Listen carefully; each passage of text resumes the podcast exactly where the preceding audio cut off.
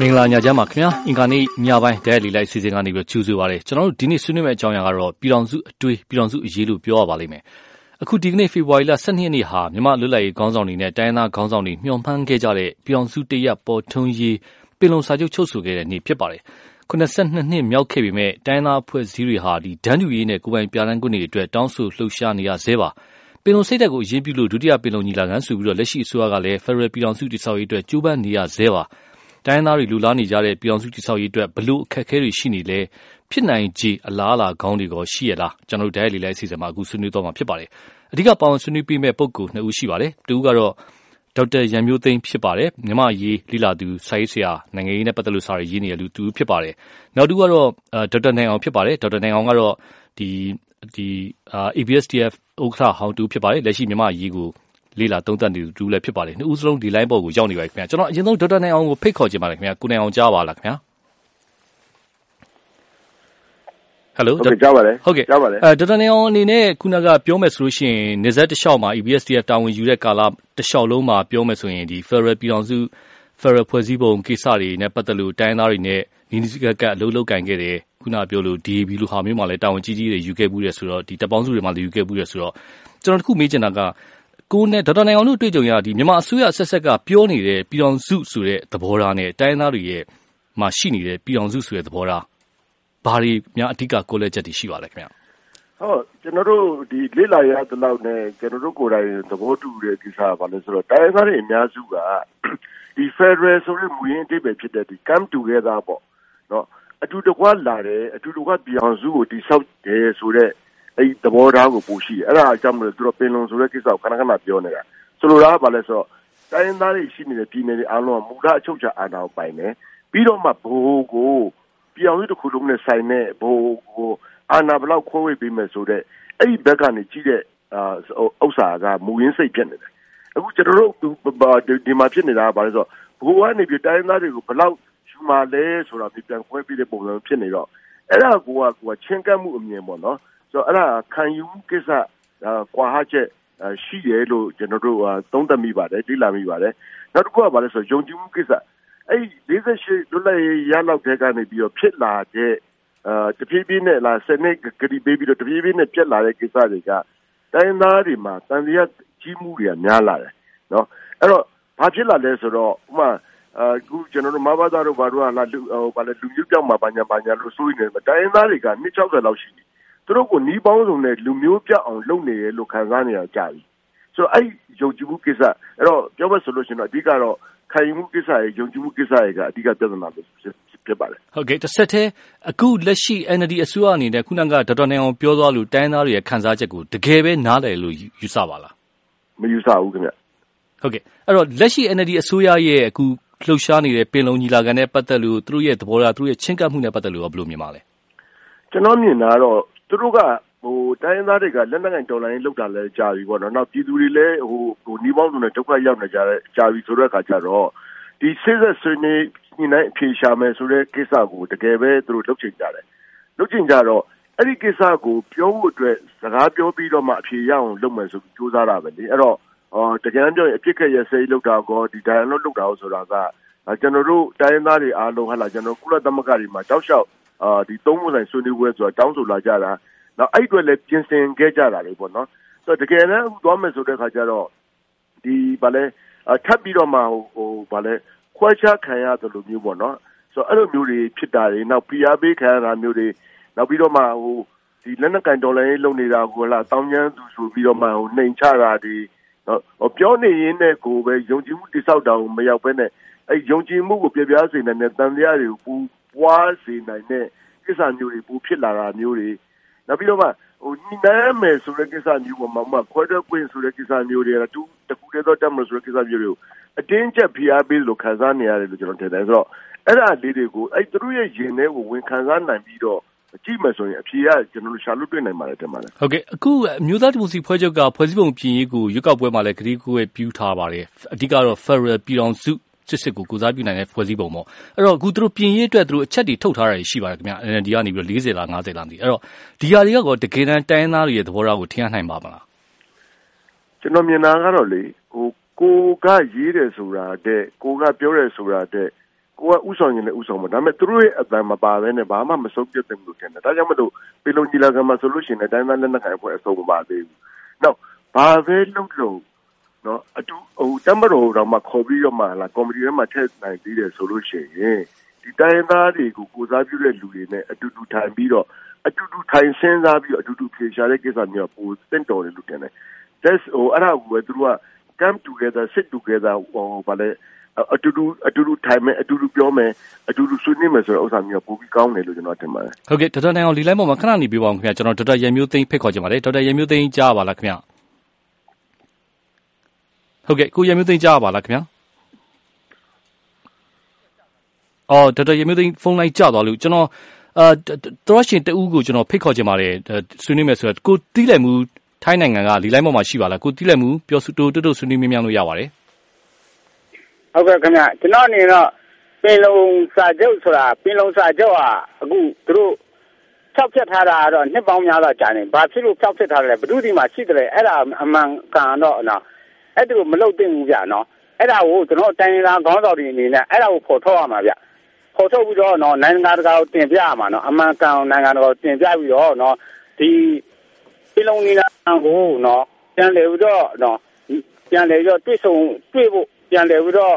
ရယူဖို့နော်အဲ့ဒီရေးထားတဲ့အတိုင်းပေါ့ဗျာအခုနောက်ထပ်ရေးမဲ့ပြည်လုံးကတော့ဘယ်လိုရေးအောင်မလဲဆိုတာတော့ဒါသူတို့ရဲ့လှုပ်ဆောင်ချက်မှာနော်မူတည်ပါတယ်ခင်ဗျာဒီ လက်ရှိအစိုးရလက်ရှိစစ်တပ်ပေါ့ဗျာနော်သူတို့ရဲ့လှုပ်ဆောင်ချက်မှာကျွန်တော်တို့ကတော့ယူသားမှုမရှိဘူးလို့တော့ကျွန်တော်တို့မြင်တယ်ဘာဖြစ်လဲဆိုရင်နော်နှစ်ပေါင်းများစွာကျွန်တော်တို့လိမ့်လေလက်စားပြီးတော့နော်ကျွန်တော်ပြည်သူလိမ့်လေလက်စားပြီးတော့သူတို့ဖိနှိပ်အုပ်ချုပ်လာခဲ့တဲ့အတွက်ကျွန်တော်တို့အနေနဲ့ကတော့စစ်မှန်တဲ့ဖေရစစ်မှန်တဲ့ငြိမ်းချမ်းရေးအဲ့ဒါကိုကျွန်တော်တို့ကအမှန်တမ်းလိုချင်တယ်တောင်းဆိုတယ်ဒါပေမဲ့သူတို့ကအမြဲတမ်းပြည်သူလူထုအမြဲတမ်းဖိနှိပ်နေတဲ့အဖွဲ့အစည်းတစ်ခုလို့ကျွန်တော်တို့မြင်နေရပါတယ်ခင်ဗျ ဟုတ်ကဲ့ခင်ဗျကိုတီးလက်မှုကျေးဇူးပါကျွန်တော်နောက်တော်ရှင်တူဖိတ်ခေါ်ချင်ပါတယ်ကိုစိုးဝေကိုစိုးဝေအာတူတူဆွေးနွေးများလို့ရပါတယ်တူတူလေးပေါ့ဗျာဟုတ်ကဲ့ဟုတ်ကဲ့ဟုတ်ကဲ့ဟုတ်ကဲ့ဟုတ်ကဲ့ဟုတ်ကဲ့ကျွန်တော်တို့ဒီပေါ့ဗျာဟိုဟိုကိုလိုနီခက်လွတ်လပ်ရေးကျိုးပန်းစဉ်ကဆက်လာတဲ့တိုင်းရင်းသားပြဿနာဟာစတင်ပေါ်လာတဲ့ပေါ့ကိုလိုနီခက်မှာလွတ်လပ်ရေးကျိုးပန်းစဉ်ကကျိုးပန်းစဉ်အခါကနေဆက်လာတဲ့ဒီတိုင်းရင်းသားပြဿနာအခုဒီမိုကရေစီပြည်ပြောင်းလဲကာလမှာဒီတဖုံနဲ့ခေါင်းပြန်လာပြန်ထောင်လာတယ်လို့ကျွန်တော်အမြင်နဲ့လေနော် ကျွန်တော်တို့ရာဇဝတ်ဆက်ဆက်မှာကျွန်တော်ရာဇဝတ်ဆက်ဆက်ကဘင်းဆက်ဆက်ကဓမ္မတက်ရာဇဝတ်နဲ့တိုင်းပြည်ကိုစီမံခန့်ခွဲအုပ်ချုပ်သွားတဲ့အချိန်မှာလူမျိုးစုတွေအပေါ်မှာဘာမှပြဿနာမရှိခဲ့ဘူးနော်ဘာလဲဆိုတော့ကျွန်တော်ဓမ္မတက်ဆိုတာကျွန်တော်ကျွန်တော်မြန်မာနိုင်ငံကဒီဗုဒ္ဓဘာသာဒီကြည့်မှုခံမှုတဲ့ကဓမ္မတက်ဆိုတာမှလူမျိုးခွဲခြားတာမှမရှိတာဟုတ်ဟုတ်ကဲ့ခက်တော့လည်းဘာမှမရှိဘူးဟုတ်ကဲ့ဒီလိုပတ်တယ်လို့ဟုတ်ကဲ့ကျွန်တော်ဆက်ပြောမယ်ဟုတ်ကဲ့ဟုတ်ကဲ့ဟုတ်ကဲ့အခုအခါမှာဘယ်လိုဖြစ်လဲဆိုတာဒီဒီကိုလိုနီခက်ကစားခဲ့တဲ့တိုင်းရင်းသားပြဿနာကမှတနည်းတစ်ပုံနဲ့ကျွန်တော်ပထမတော့လို့ခေါင်းပြန်ထောင်လာနေတယ် နော်ဒီကိစ္စကလည်းဘာကြောင့်လဲဆိုလို့ရှိရင်ကိုလိုနီခက်မှာလည်းဟိုတည့်ရက်ဟိုလွတ်လပ်ရေးတည့်နောက်ကျရင်တည့်ရက်တို့မှာအကျိုးမြတ်ဖြစ်တယ်လို့ဒီအာနာရှင်နဲ့ဒီကျွန်တော်ဒီမိုကရေစီကဟိုကူကြောင်းရေးကာလမှာတို့မှလည်းတည့်ရက်နောက်ကျရင်တည့်အမျက်ထင်လို့ဒီကက်တနာတွေကျွန်တော်ဖော်တယ်လို့ကျွန်တော်ယူဆတယ်ပေါ့နော်ဟုတ်ကဲ့ကိုစိုးဝေတိုးတိုးလေးဖြတ်လိုက်ပါဟုတ်ကဲ့ဥပဒေပြုပြင်ကြောင်းလဲပတ်တယ်ပတ်တယ်လို့ကျွန်တော်ပြောကြအောင်မယ်ဒီ27ရာစုပြည်လုံးညီလာကမှာနော်ဒါတိတ်အမှန်တန်အရေးကြီးပါတယ်အချိန်လေးကုန်ငွေတွေကုန်ပြီးတော့ကျွန်တော်တို့အားလုံးဝိုင်းဝန်းကြိုးစားနေကြတယ်မြန်မာနိုင်ငံညီညာမှုဒီမိုကရေစီ တိုင်းပြည်ဖြစ်ဖို့အတွက်ကိုအဲ့ဒါမှကျွန်တော်တို့သဘောတူညီချက်တစ်ခုရှိတယ်နော်အချုပ်အခြာအာဏာဒီတိုင်းရင်းသားပြည်သူတန်ဖီရှင်းလာပြီဆိုတော့အဲ့ပင်လုံး27ရာစုပင်လုံးညီလာခံသဘောတူညီချက်တွေကိုတက်မတော်ရောအတိုင်ပင်ခံပုဂ္ဂိုလ်ဦးဆောင်တဲ့အဖွဲ့ရောဟိုလက်နက်ကင်အဖွဲ့တွေရောအဲ့ဒါကိုချုပ်တော်ထဲမှာချပြပြီးတော့ဥပဒေပြည်နယ်ဆိုတဲ့အချက်ကလည်းသူတို့သဘောတူညီကြပါအဲ့ဒါမှကျွန်တော်ပထမပြောခဲ့တယ်နော်ကိုကိုစိုးဝေကျေးဇူးပါခင်ဗျာကျွန်တော်ကျွန်တော်ကျွန်တော်ပင်တိုင်းဆွေးနွေးမဲ့သူဒေါက်တာရမျိုးသိန်းလီလိုင်းပေါ်ပြန်ရောက်လာလို့ပါဒေါက်တာရမျိုးသိန်းကြားပါလားခင်ဗျာ ဟုတ်ဗျာဟုတ်ကဲ့ဒေါက်တာရမျိုးသိန်းခုနကတော့ဒေါက်တာနိုင်အောင်ဆွေးနွေးသွားပါတယ်အဓိကတော့ဒီဒီအဓိကမြန်မာအစိုးရကြားပါလားခင်ဗျာလိုင်းဗျဟုတ်ဟုတ်ကဲ့အဲ့တော့ကျွန်တော်အခုဒေါက်တာရမျိုးသိန်းကိုမေးချင်တာကအခုလက်ရှိ21ရာစုပင်လုံကျင်းပနေတာလည်းရှိပါတယ်ခင်ဗျာအဓိကတော့ Federal ပြည်အောင်စုတည်ဆောက်ရေးမှာအစိုးရနဲ့တိုင်းသားကြားထဲမှာအခုလိုအခုဆိုလို့ရှိရင်ဒီညီလာခံကြီးကလည်းတုတ်ဆိုင်နေတဲ့သဘောဖြစ်တော့အခု Federal ပြည်အောင်စုသွားမဲ့အခါမှာအစီရဖြစ်တဲ့ကိစ္စတွေကဒီပိုင်းပေါ်တော့နိုင်ငံရေးကကြုံနေရတဲ့အဟန့်တားတွေဆိုရင်ကိုရမျိုးသိန်းဘယ်လိုမြင်ပါလဲအဲ ကျွန်တော်မြင်တာတော့ လက်ရှိပေါ့လေ2018ခုနှစ်ဒီဇူလိုင်လနောက်ပိုင်းမှာကျွန်တော်တို့ဒီပြည်တော်စုငင်းငယ်ညီလာခံပေါ့21ရာစုပင်လုံကို မကျင်းပနိုင်ဘူး ဖြစ်နေပါတယ်။အဲဒီမှာ အဓိကအချက်အသေးကတော့ဒီအစိုးရတက်မတော်နဲ့ဒီတိုင်းဒေသလက်နက်ကိုင် အဖွဲ့အစည်းတွေကြားမှာတော့ဟိုယုံကြည်မှု နားလည်မှုကို ခိုင်ခိုင်မာမာ မတည်ဆောက်နိုင်တဲ့ အနေအထားလို့ ကျွန်တော်က မြင်ပါတယ်။တစ်ချက်က အစိုးရ ကျုပ်အစိုးရတက်မလို့နဲ့ဒီတိုင်းသားလက်နက်ကိုင်အဖွဲ့အစည်းတွေတင်မကဘူး။တိုင်းသားနိုင်ငံရေးပါတီတွေအပါအဝင်နိုင်ငံရေးပါတီတွေကြားမှာလည်းပဲခုနားလည်မှုတည်ဆောက်တဲ့အပိုင်းမှာအဲကြီးကြီးမားမားဟိုမှုတွေရှိနေတယ်လို့အဲ့လိုသုံးသပ်ပါတယ်ဟုတ်ကဲ့အဲ့တော့လက်ရှိအခြေအနေမှာဟိုအမှန်တကယ်ဖွဲ့စည်းတွေနဲ့တနိုင်ငံလုံးအတိုင်းအတာနဲ့တိတ်ခတ်ရစိမ်းလေးကိုဒီတက်ပို့ပြီးတော့ခိုင်ခိုင်မာမာ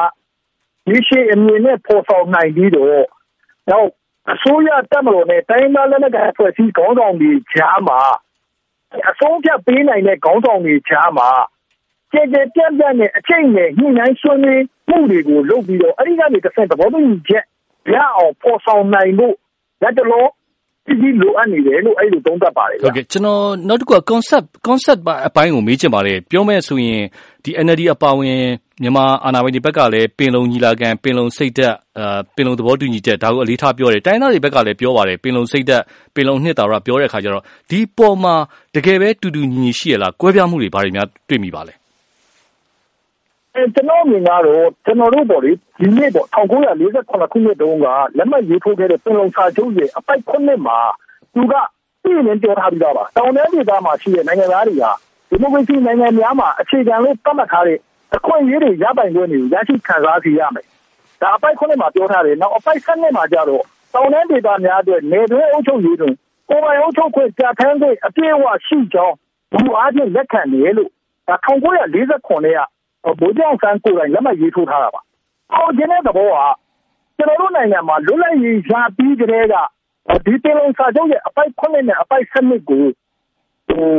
ဆောင်နိုင်ခြင်းလုံးဝမရှိသေးတာဟာလက်ရှိအခြေအနေအတွက်ကြီးမားတဲ့စိန်ခေါ်မှုကြီးဖြစ်နေပါတယ်။အဲဒီအတွက်ကြောင့်မလို့အဲ့ဒါကိုအမြန်ဆုံးပေါ်ဆောင်နိုင်ဖို့တော့ညှိနှိုင်းဆွေးနွေးဖို့လိုအပ်ပါတယ်။သဘောတူညီချက်တွေရအောင်လုပ်ဖို့လိုအပ်ပါတယ်။အမြန်ဆုံးပေါ်ဆောင်နိုင်အောင် လုပ်ဖို့လိုအပ်တယ်လို့အဲ့လိုသုံးသပ်ပါတယ်ဟုတ်ကဲ့ဒီကိစ္စမှာခုနကကိုဒေါက်တာရန်မျိုးသိမ်းပြောတဲ့ထဲမှာအဲ့အဲ့နှစ်ချက်ကိုအများဆုံးဖော်ဆောင်နိုင်ဖို့ဆိုလို့ရှိရင်ဘာကြောင့်အဲ့လောက်ထိကြံ့ကြာနေရလို့မြင်ပါလဲဘာတွေခက်ခဲတွေများရှိပါလဲအဲဒေါက်တာရန်မျိုးသိမ်းဖုန်းပြန်ကျသွားတယ်တင်တယ်အာကျွန်တော်ပင်နိုင်ဆွေးနွေးအဲကျွန်တော်သောရရှင်တွေလည်းရှိနေတော့သောရရှင်တွေကိုကျွန်တော်ဟိုဆွေးနွေးမယ်ဆိုတော့မင်းမြန်လို့သောရရှင်တွေကိုကျွန်တော်အလှည့်ပေးကြပါလေကိုစလိုင်းပွေကွန်းဒီ line ပေါ်မှာရှိပါတယ်ကိုစလိုင်းပွေကွန်းတူတူတူဆွေးနွေးမင်းမြန်လို့ရပါတယ် ဟုတ်ကဲ့ဒီဥစ္စာက NAD ကိုကျွန်တော်တို့ကပြောလို့မရပါဘူးဒီဥစ္စာကအသက်မလို့ကိုကျွန်တော်တို့ကပြောရမှာဖြစ်တယ်ဒီတော့ကြောင့်ဒီလိုမျိုးလာခံဆိုတဲ့ဥစ္စာကကျွန်တော် NAD အနေနဲ့တော့အားလုံးကိုပေးချင်တယ်အဲတော့အခုသိရှိပုံကိုပြီးနေဆိုတဲ့ဥစ္စာကဒီလိုမျိုးဟိုပြဆောင်စုဆိုတဲ့ဥစ္စာကိုကျွန်တော်ပေါ်ဆောင်ခြင်းနေဆိုရင်တော့ဒီအကောင့်ထဲရမယ်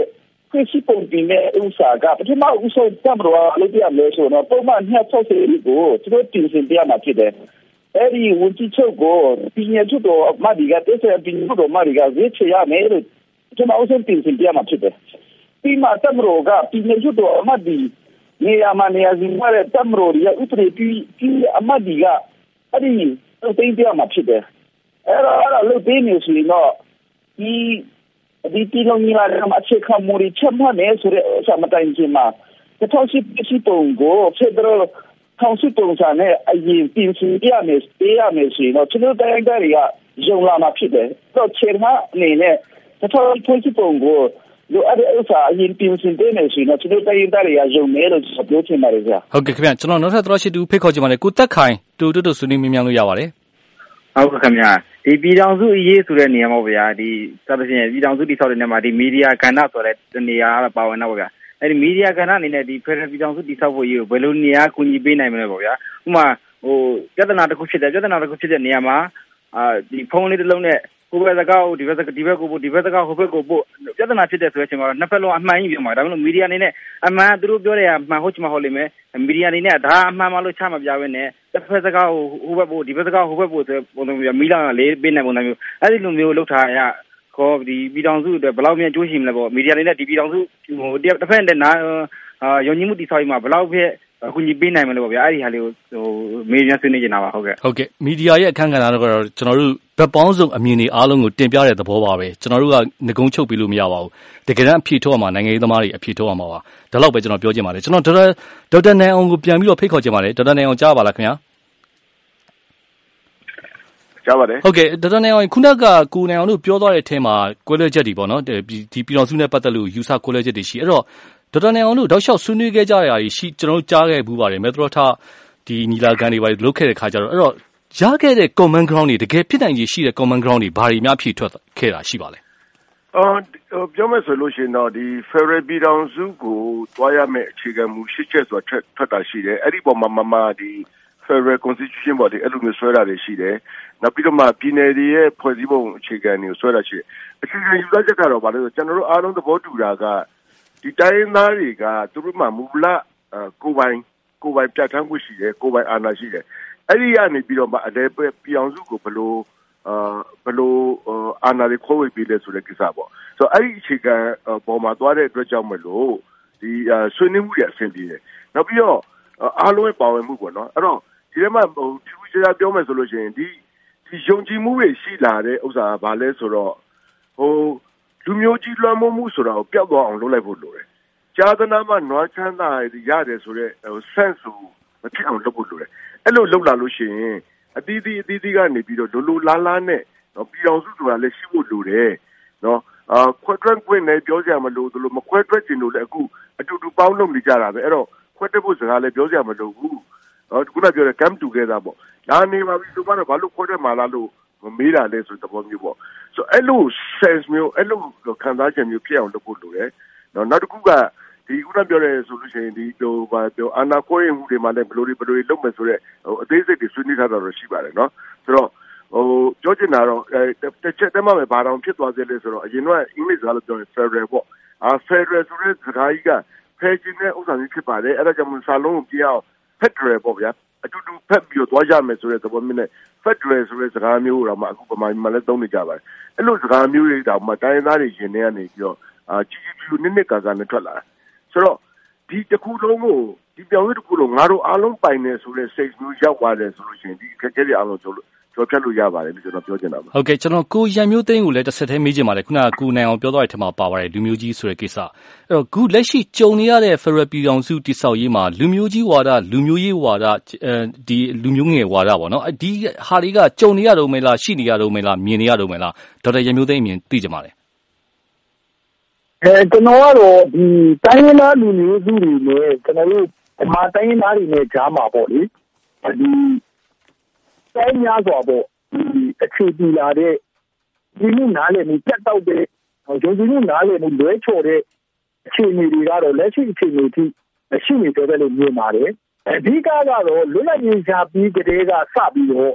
ရှင်းချင်နေသည့်ဒီမြန်မာခေါင်းဆောင်အဆက်ဆက်ဟာ ဒီစာချုပ်မှာဖော်ပြထားတဲ့တိုင်းသားလူထုတွေရဲ့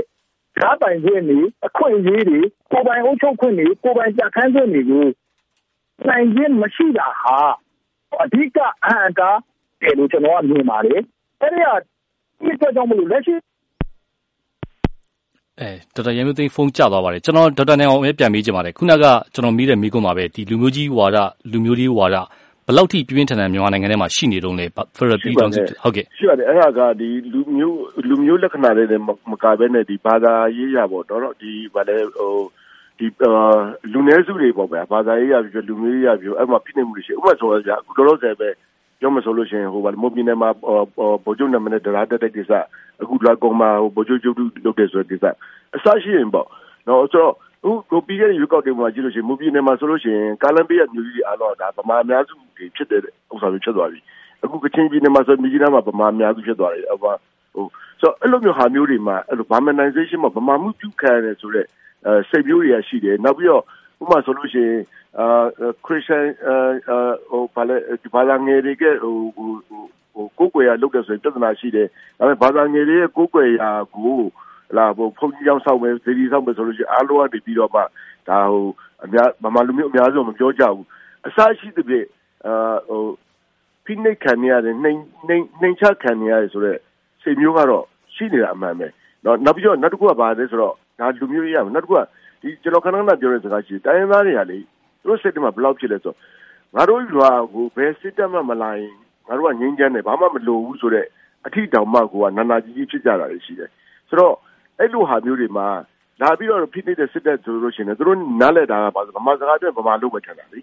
ဆိုတော့အဲ့လိုဟာမျိုးတွေကသူတို့တောက်လျှောက်ကလာဟိုဗာလဲဟိုဆွေးစည်းမျိုးဆက်260လောက်ဒီပါတော့အခုဆို generation 3ခုလောက်ရှိပြီဆိုတော့ခံစားရတဲ့ဟိုနာကြီးမှုက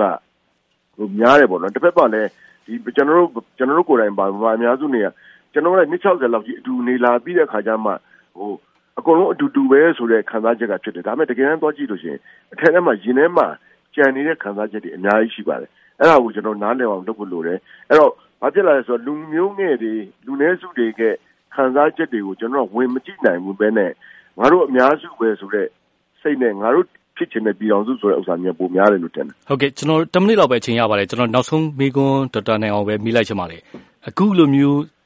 ခုနကအဟန့်တားတွေအနှောက်အနှောက်အနှောက်တားတွေမျိုးစုံကြုံနေရတဲ့အချိန်မှာပဲ Federal ပြည်အောင်စု မြန်မာနိုင်ငံမှာတိဆောက်နိုင်ဖို့ မျှော်လင့်ချက်ကော ရှိရလားခင်ဗျ တကယ်တမ်း တူညီနေတဲ့ common ground ရှိရလား ရှိပါတယ် ကျွန်တော်မြင်တာတော့ဗာလဲဆိုတော့ အခုဆိုလို့ရှိရင် တိုင်းသားတွေအားလုံးကကိုကပြည်အောင်စုကြီးနဲ့အတူတူ ဆက်နေရမယ်ဆိုတဲ့ ခံစားချက်မျိုးယုံကြည်မှုရှိတယ် နောက်တစ်ခုက သူတို့ကိုယ်တိုင် လိုလိုလာလာနဲ့အခုတွဲဆောင်ဆွေးနွေးပွဲအပြေရှားရေးကို သွားနေကြတာပဲ အဲ့လိုပဲ ကျွန်တော်မြင်တာတော့ ဗမာပြည်ထဲမှာလည်း တိုးတက်တဲ့အာဒီဒီဗမာလူငယ်တွေနော်အားလုံးကလည်း အခုတပြည့်ပြည့်နဲ့ Federal လက်ခံလာကြတဲ့ဥစ္စာရှိတယ်နောက်ပြီးအနည်းဆုံးတော့ဗျာဟိုစစ်တပ်ကရောဖြစ်ဖြစ်ဒီနိုင်ငံရေးပါတီရောဖြစ်ဖြစ်အခုပင်လုံကြီးလာမှာဒီ Federal Democratic ပြည်အောင်စုတိဆောက်ရမယ်ဆိုတဲ့ဥစ္စာမရှိဘူးဒါပေမဲ့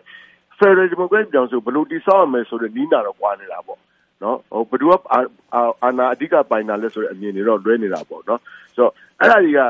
ညှိနှိုင်းဖြေရှာမယ်ဆိုရင်ရတာရှိတယ်။ဒါကျွန်တော်မြင်တာတော့တိုင်းရင်းသားတွေကိုခွဲတက်မှာပဲခွဲတက်မှာပဲဆိုတဲ့စိုးရိမ်စိတ်ကြီးတွေနဲ့သွားလုပ်တာသူတို့ရင်ဝကို ပေါင်းလာမဲ့လက်တွေကိုကမ်းလာမဲ့လက်တွေကိုစောက်စောက်ကန်တယ်လို့ဖြစ်နေတယ်။အဲ့ဒါမျိုးတွေတော့မဖြစ်သင့်ဘူးလို့ကျွန်တော်ကပြောချင်ပါတယ်။အဲ့တော့အနည်းဆုံးတော့တိုင်းရင်းသားတွေစိတ်ထဲမှာဒန်းတူရည်တူဖြစ်တယ်လို့ခံစားရအောင်လုတ်ပေးနိုင်တယ်ဆိုလို့ရှိရင်ဒါတွေကြော်ပြလို့ရပါတယ်ဟုတ်ကဲ့ခင်ဗျာကျွန်တော်တို့ဓာတ်ရိုက်လေးလိုက်စီစဉ်ချိန်လဲဆစ်သွားလို့ပါအဓိကပေါင်းဆွေးနွေးပေးတဲ့ဒေါက်တာနိုင်အောင်နဲ့ဒေါက်တာရန်မျိုးသိန်းကျေးဇူးအများကြီးတင်ပါတယ်ခင်ဗျာဒေါက်တာရန်မျိုးသိန်းဖုန်းလိုင်းခဏခဏပြတ်သွားတဲ့အတွက်လည်းကျွန်တော်တို့တောင်းပန်အပ်ပါတယ်ခင်ဗျာကျွန်တော်တို့ဓာတ်ရိုက်လေးလိုက်စီစဉ်ကိုတော့ဒီမှာပဲရန်နာခွင့်ပြုပါခင်ဗျာ